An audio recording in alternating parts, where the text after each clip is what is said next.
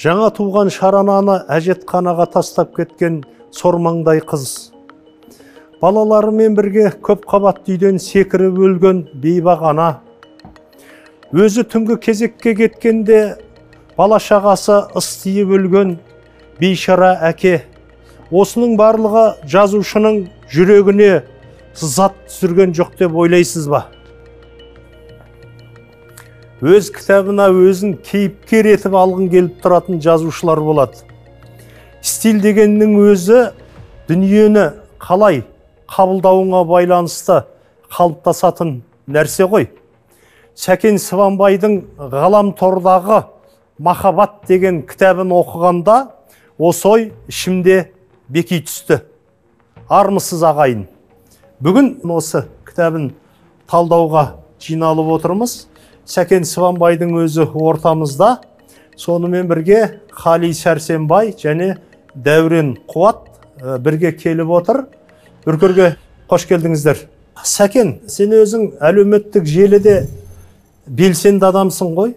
Сенің сондағы жазғандарыңды оқып жүріп бұрын ойлайтынмын. Осы сәкен неге кітап жазбайды екен? Тілі кестелі көркем юморы бар ең бастысы деп ойлайтын едім. Енді сол кітап қолыма тиді неғып кеш жазып жүрсің мен журналистика мамандығын таңдап келдім казуге және сол өзім таңдаған мамандықтың бүкіл ұңғыл шұңғылын білуге тырыстым сосын әлгі бізде кафедра бар еді ғой мерзона баспасөз деген сол кафедрада болдым айтады ғой телевидение радиоға ыңғайлы журналистер соған ебі бар қабілеті бар икемі бар деген секілді мен өзімді кәдімгі орысша айтқанда газетчик деп сезінген адаммын. Сол тек газет журналда ғана істеп жүрдім. Менде мүлде көркем проза жазу кітап жазу деген ой болған жоқ. Кейінгі жылдарға дейін. Ә, мақала жаздық сұхбат алдық репортаж жаздық. Енді ол көбіне өздеріңіз куәсіздер. Бүкіл менің ойым сол журналистика болды. Бірақ жаңа өзіңіз айтып отырғандай маған сен неге жазбайсың деуші ағаларым болды. Бірақ ол кезде мен оған аса бір мән беріп қарамаған екенмін. Соның бірі марқұм марат қабанбай. Ағам еді ол кісі маған ұстаз болды ана тілі газетінде екі жыл бірге жұмыс істедік. Сол кезде ә, бір жағы жаспыз. Өмірдің басқа қызықтары бар ә, соларға алаңдап тұрамыз. Сол кезде маған осы жазу туралы біраз әңгіме айтты ол кісі. Тілің бар икемің бар жазуың керек деген секілді. Бірақ менің селсоқ тыңдап отырғанымды байқады да ай сенің ішіңе әлі сөз түспеген екен. Бара бер деді сол сөз ойлаймын кейін барып ішіме түсті ау деймін әйтпесе мен ә, жақсы оқырман болдым. Қазақ әдебиетінің бүкіл үздік үлгілерін оқып өстім. Ә, бірақ жазу туралы ой осы кейінгі бір бес алты жылда ғана келді. Содан кейін барып кеш жаза бастадым. Сенің осы ғаламтордағы махаббат деген кітабың он үш әңгіме екі хикаяттан тұрады екен. Осы он үш әңгімеңді оқыған кезде маған мынандай ой келді. Кейіпкерлері әр басқа оқиғалары әр жақта бірақ тақырыбы ортақ тұтас бір дүние сияқты көрінді. Әдебиетке келу прозаға араласу деген ә, шешім ол аяқ асты келген жоқ. Меніңше сол ә, ішкі дайындықпен келді ғой деп ойлаймын. Шынында біз енді бірге өсіп бірге келе жатқан жігіттерміз ғой. Шығармасы жаңағы өзінің очерктері жазған репортаждары жазған мақалаларының өзі дап дайын әңгіме сияқты. Соны айтамыз ғой енді. Сәкен сен мынау енді прозаға да келсең болады деп. Бұл ат тонын алып қашатын негізінде. Иә. Осыны прозаға азғырғандардың бірі менмін отырып алып. әй сен қолыңнан келеді ғой жазсайшы деп. Соны бір күні біздің дидар амантай досымыз ол да бір тіпті ол ашық газетке жазды кәдімгі өзінің бір пікірлерінің ішінде. Осы прозаға сәкен сыбанбайдың келгенін қалар едім. Жақсы прозаик келер еді. Егер сәкен сыбанбай келетін болса жақсы үлкен ә, сөздік білетін сөздің мәйегін білетін мына бүгінгі заманауи прозаны жаза алатын жазушы келетін еді деп. Содан қорқа соқтап жүріп алды. Бұның бір жаман мінезі бар. Тырнақшаның ішінде деп айтуға болатын шығар енді. Ә, өзінің мүмкіндігін көп ескере бермейтін адам бұл. Бірақ ә, бұл деген үлкен жауапкершілік деп айтамын үлкен жауапкершілікпен келді. Неге деген десеңіз мысалға ә, ет пен терінің ортасында желігі бар желі бар. Жастар қазір желпініп мен жазушымын деп айғайлап келіп жатыр. Олар ертең жазушы шыға ма шықпай ма? Жоқ бір екі әңгімесімен ғана аталып одан кейін ары қарай атаусыз қала ма? Ондай шаруалар жоқ. Мен жазушымын деп өздерінің үлкен жаңағыдай дақпырт даңқтарын алдыға салып келеді. Бұл кісі ә, жүйрік ат бәйгеге бойын жасырып келеді дегендей бұл бойын жасырып біраз жүріп алды бірақ үлкен дайындығы бұл жауапкершілікпен келді ғой деп ойлаймын. Себебі өзіңіз қолыңызға ұстап отырған ә, біраз байқап отырмын біраз беттерін қайырып қайырып тастаған екенсіз. Иә. демек ол сіздің сүйсініп қайырмаған бет қалмады. иә. Қалеке осы отырған төртеуміз де әдебиетке журналистикадан келдік. Тақырыптарды алып қарасаңыз журналистиканың тақырыптары сияқты көрінеді. Ал енді мына кейде бір оқырмандар бізді сынап жатады ғой.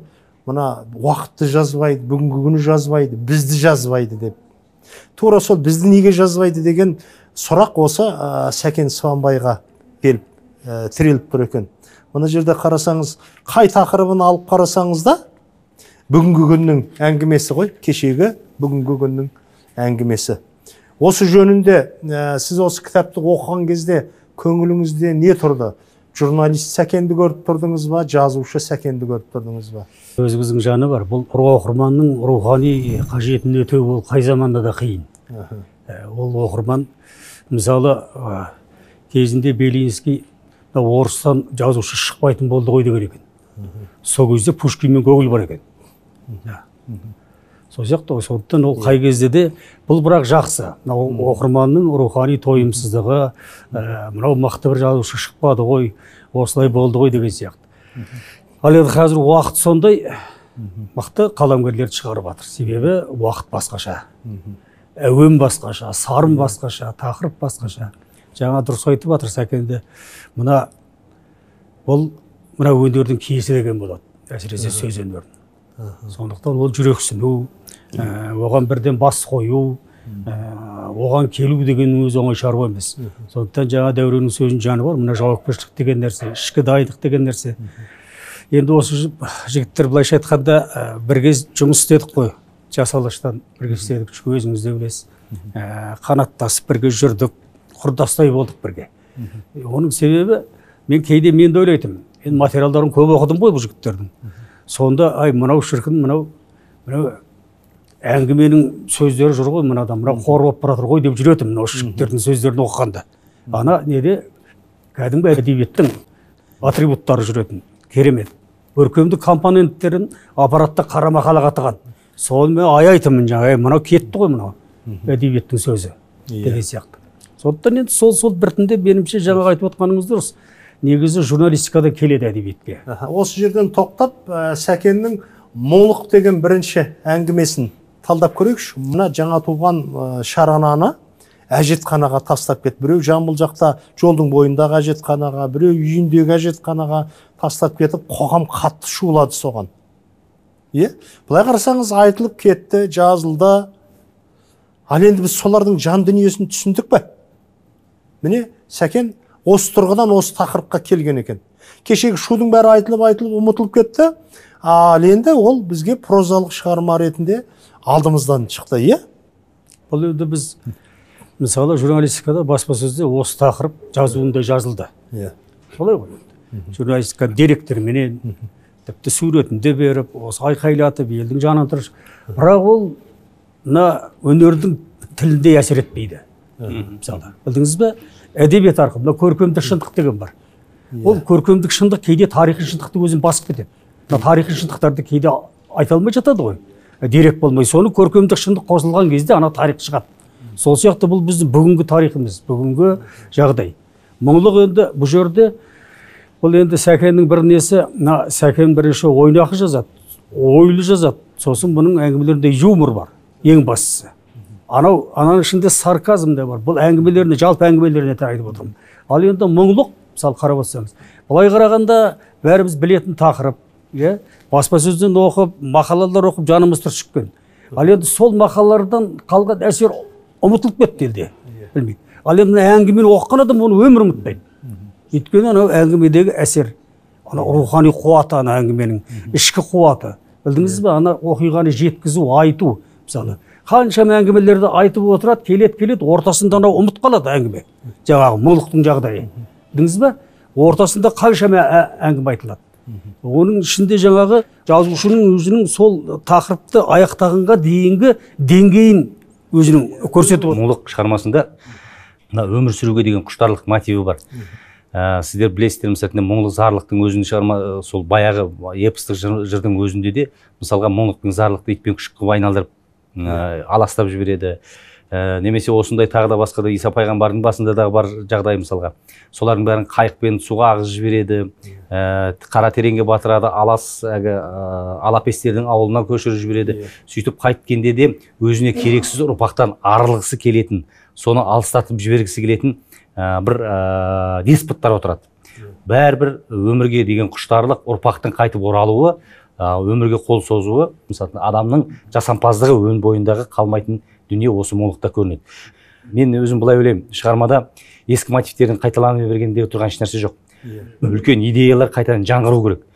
Сүю өмірді сүю. Оған деген құштарлық махаббат күрес. Соның бойындағы сол күрес жолындағы өмірге қайта оралу немесе өмірге деген құштарлықтың жолындағы қиындықтардың бәрін жеңе отырып келу деген нәрселерді біздің шығармаларда беруге болады. Бір жағынан қарап отырсаңыз өмірдің шындығы жаңағы өзіңіз айтқандай әртүрлі оқиғалар болды ғой жантүршіктірерлік екінші жағынан қарап отырсаңыз бұл шығармадағы ә, сол көне мотивті қайтадан жандандыру өмірге құштарлық. Анау жерде қарап отырсаңыз шығармада бар ғой ә, баланың дымы үзіліп бара жатыр үзіліп кетті бірақ мына жақта анау шегені аузына тістеп қойып балғамен өзін тарсылдатып жұмысын жасап жүрген ә, отағасының құлағына бір баланың тұншығып жылап жатқан үзіліп жылап бара жатқан дауыс естіледі. А мына жақта оның келіншегі жүгіріп келеді. Мынау не болып қалды? Екеуі тың тыңдап тұр. Сөйтсе оқиға жаңағыдай болған. Бір үлкен жаңағы әйел оның оң босағада отырып қалған қызы босанды. Баланы алып мына әжетханаға тастай салды. Ал сөйтіп олар өз бойындағы баланы кеселдей көріп одан құтылуға тырысып жатса мына жақта зарығып бір отбасы а, балаға бір ә, іңкәр жаңағы бір шақалақтың иісіне дауысына зар болып отыр дәурен сөзің аузында мен мына қайырып қойған беттеріме қарайын. Жазушы жазады. Мына ә, қанат пен раушан жаңағы жас отбасы. Ғайып ерен ә, қырық шілден әуленің ә, шапағаты тиген бүгінгі ізгі ниетті адамдар қанат пен раушан десем артық емес деген сөйлем бар. Мына ә, мұңлық зарлық ә, эпосын есіңізге алатын болсаңыз онда да ғайып ерен қырық шілтен жүреді. Иә. олардың да көмегі қолдауы болады. Иә. мұңлық пен зарлыққа көмегі тиіп жатады. Сол нәрсе бүгінгі анау ыыы басына жаңағыдай ерекше тағдыр кешіп жатқан сәбиге де келіп көмектескен сияқты. Сол аңызды да келтіреді келтіріп отыр? оны келтіріп отыр. Жазушының шеберлігі сонда маған ұнайтын жері бұл ыыы өмірдегі бар шындықты көшіріп алғандығы емес жазушының. Маған ұнайтыны ә, соны ә, сол осы дүниені осы дүниеге ә, осы дүниеге адам бойындағы жасампаздық өмірге деген құштарлықты алып келіп соны дарытқан ұнайды маған.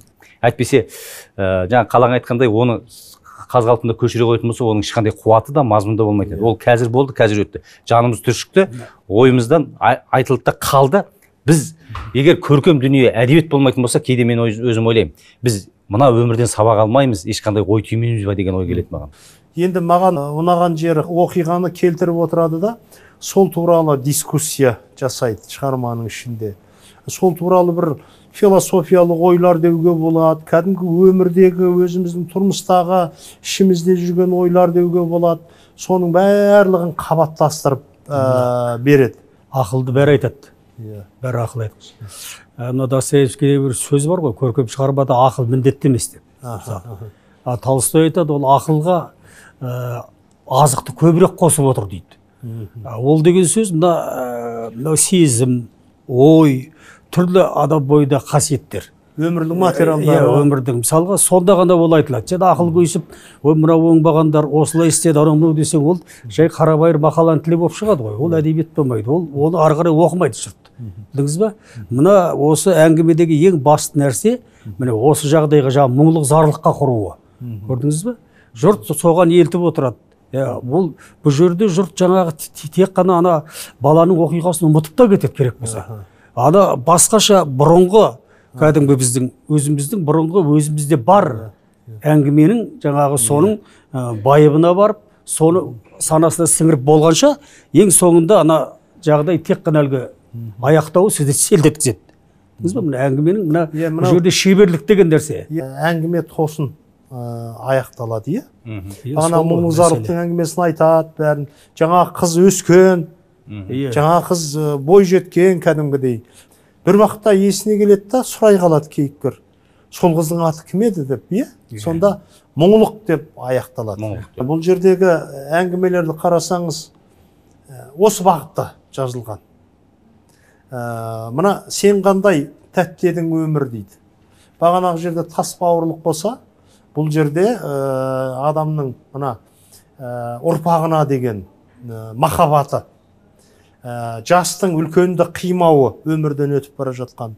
Үлкеннің сол бала үшін соның қызығы үшін бір күнде болса осы дүниенің жарығын көре тұрайыншы деп тілеуі берілген. Осы жөнінде ә, қандай ойдасыздар?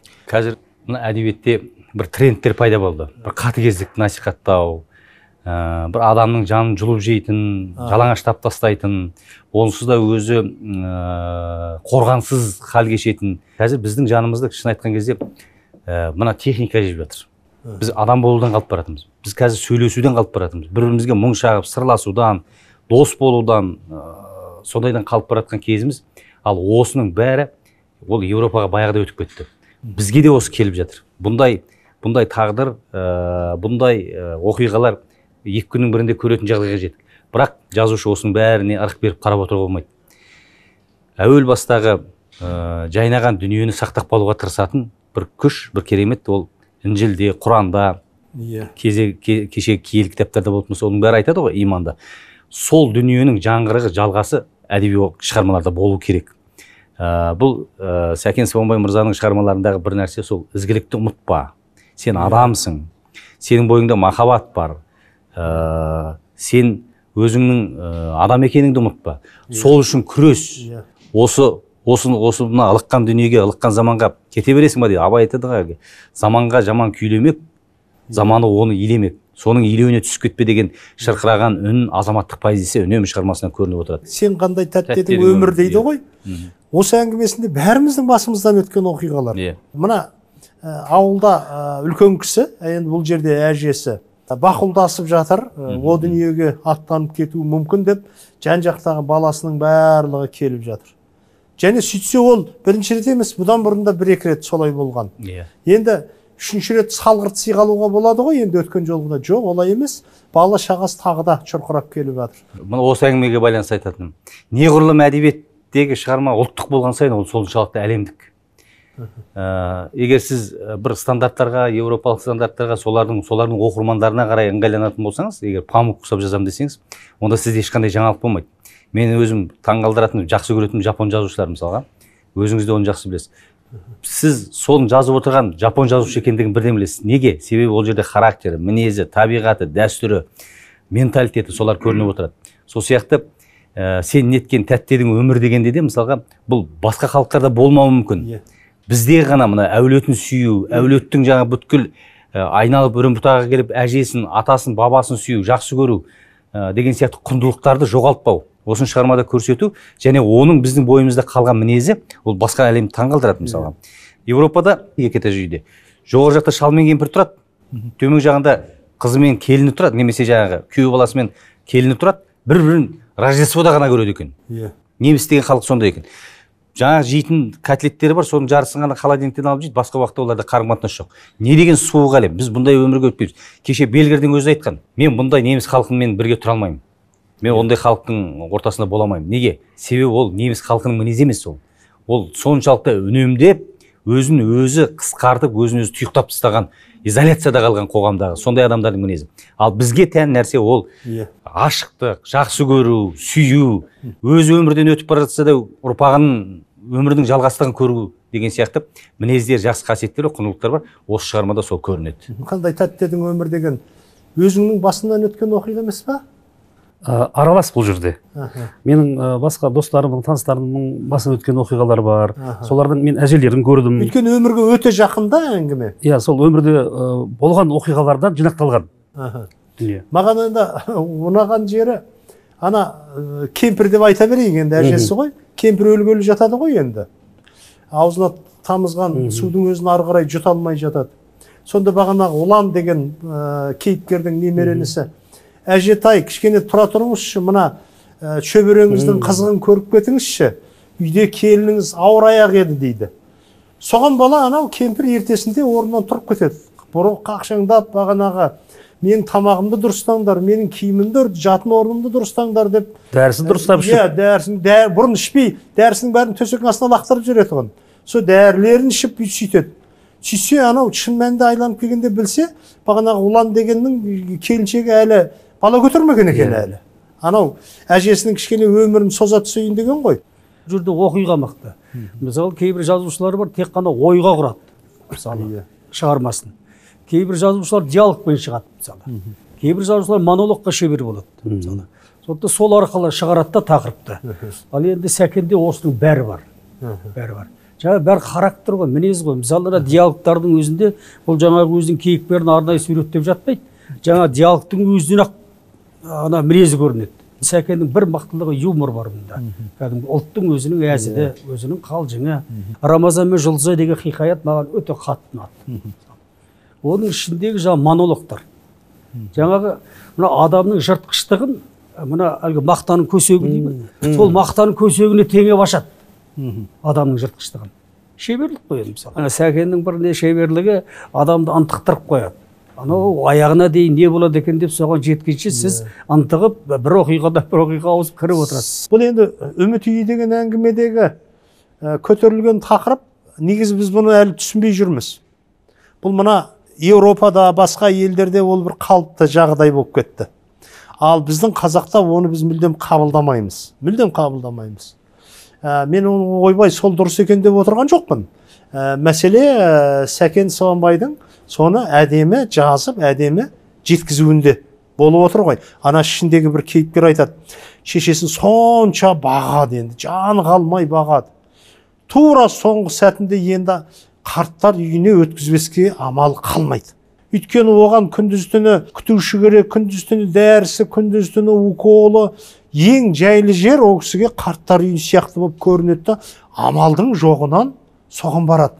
Біз ана кейіпкердің жанын түсінгіміз келіп отырғаны сол. Біздің енді ақсақалдарымыздың пансионаттары жайлаулар болған ғой. Ел ырғалып жырғалып жайлауларға барады көшіп қонып отырады. Сонда ақсақалдарымыз келеді мына омыраулардың сақалдарын баудай сақалдары түскен. Солар сол жерде кездеседі өткен кеткенде айтады о бәленбайдай түгеленбай болған анау сөйткен мынау жас кезімізде сондай еді шіркін ай деген сияқты. Қона жатып ә, тамақ ішеді ә, марқаны сойдырады қымыз ішеді. Олардың пансионаттары сондай болған деп ойлаймын. Ә, бұл жайлау пансионат. Бұл бірақ дәстүр өзгерді. Біз мойындайық мойындамайық.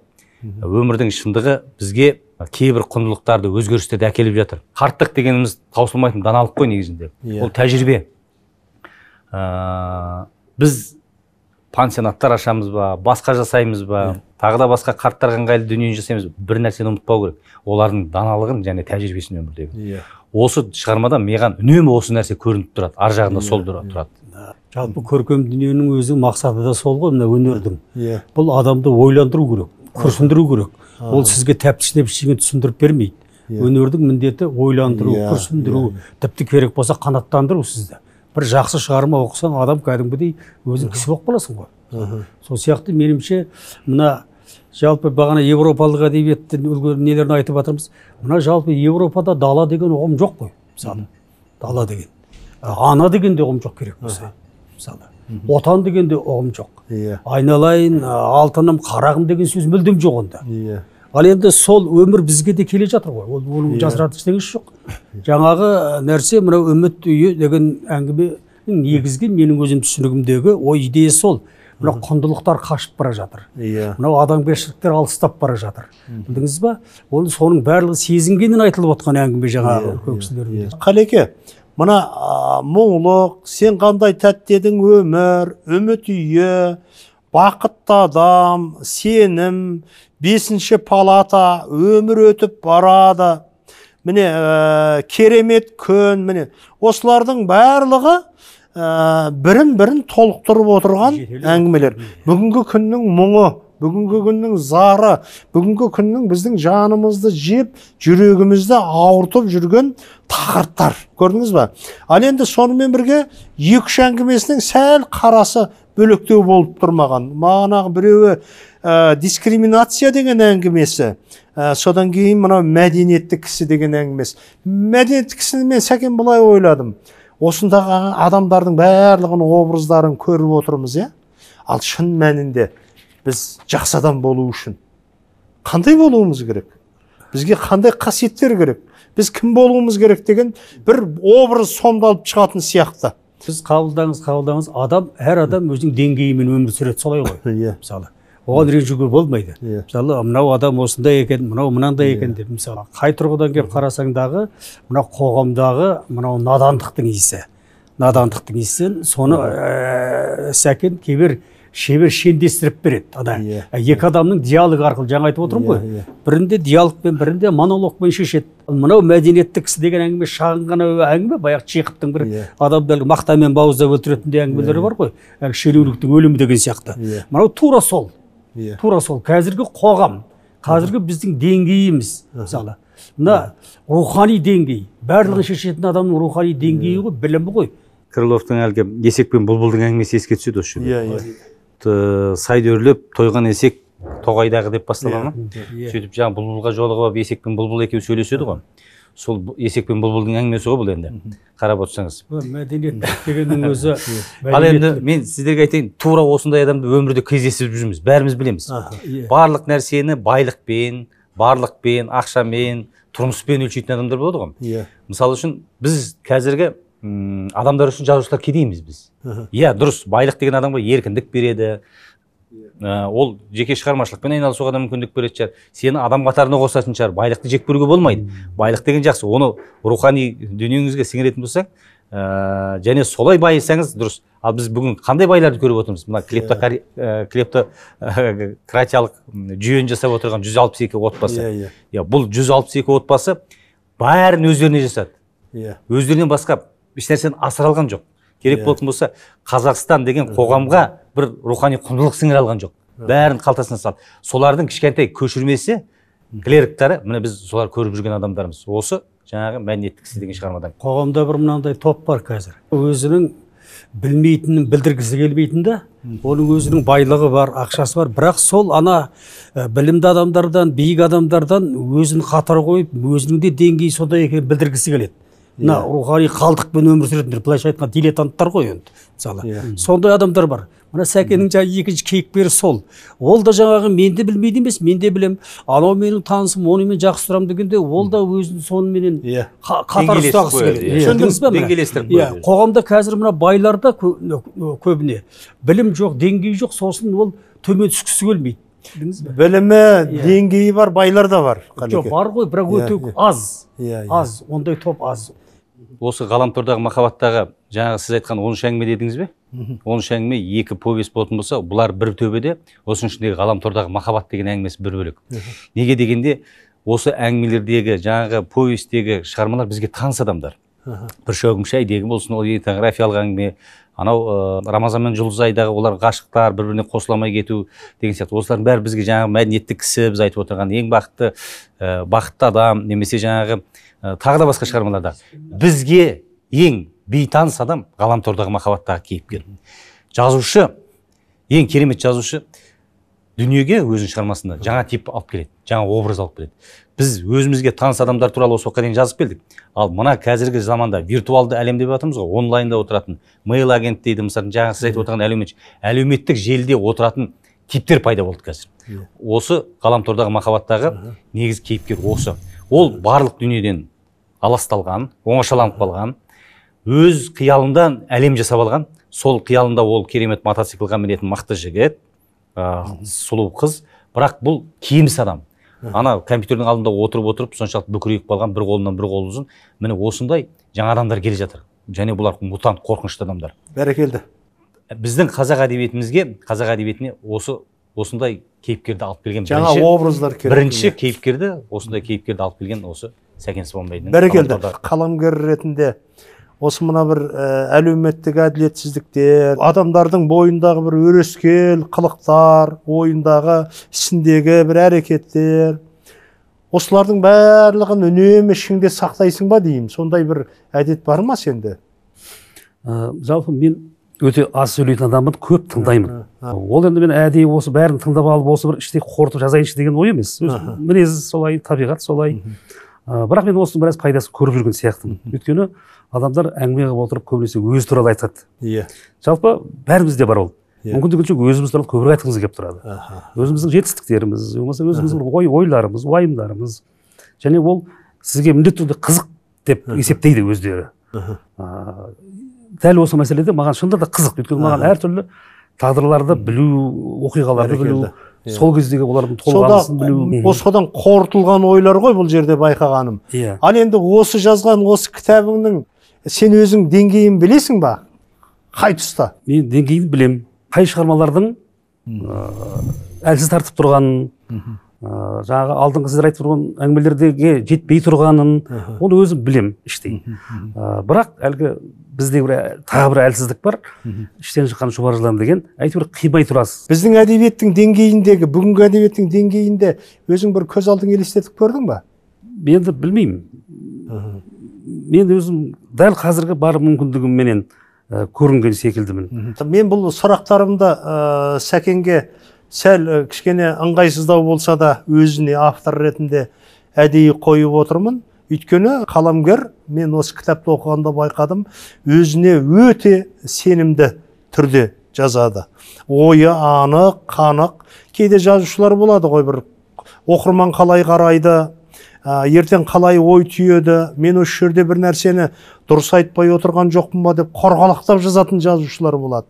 Ал енді мына сәкеннің кітабында бір сенімділік бар екен. Мен соған риза болдым. Өзім қызығып тұшынып мейірім қанып оқыған кітапты оқырман да оқыса екен деп айтып отырмын.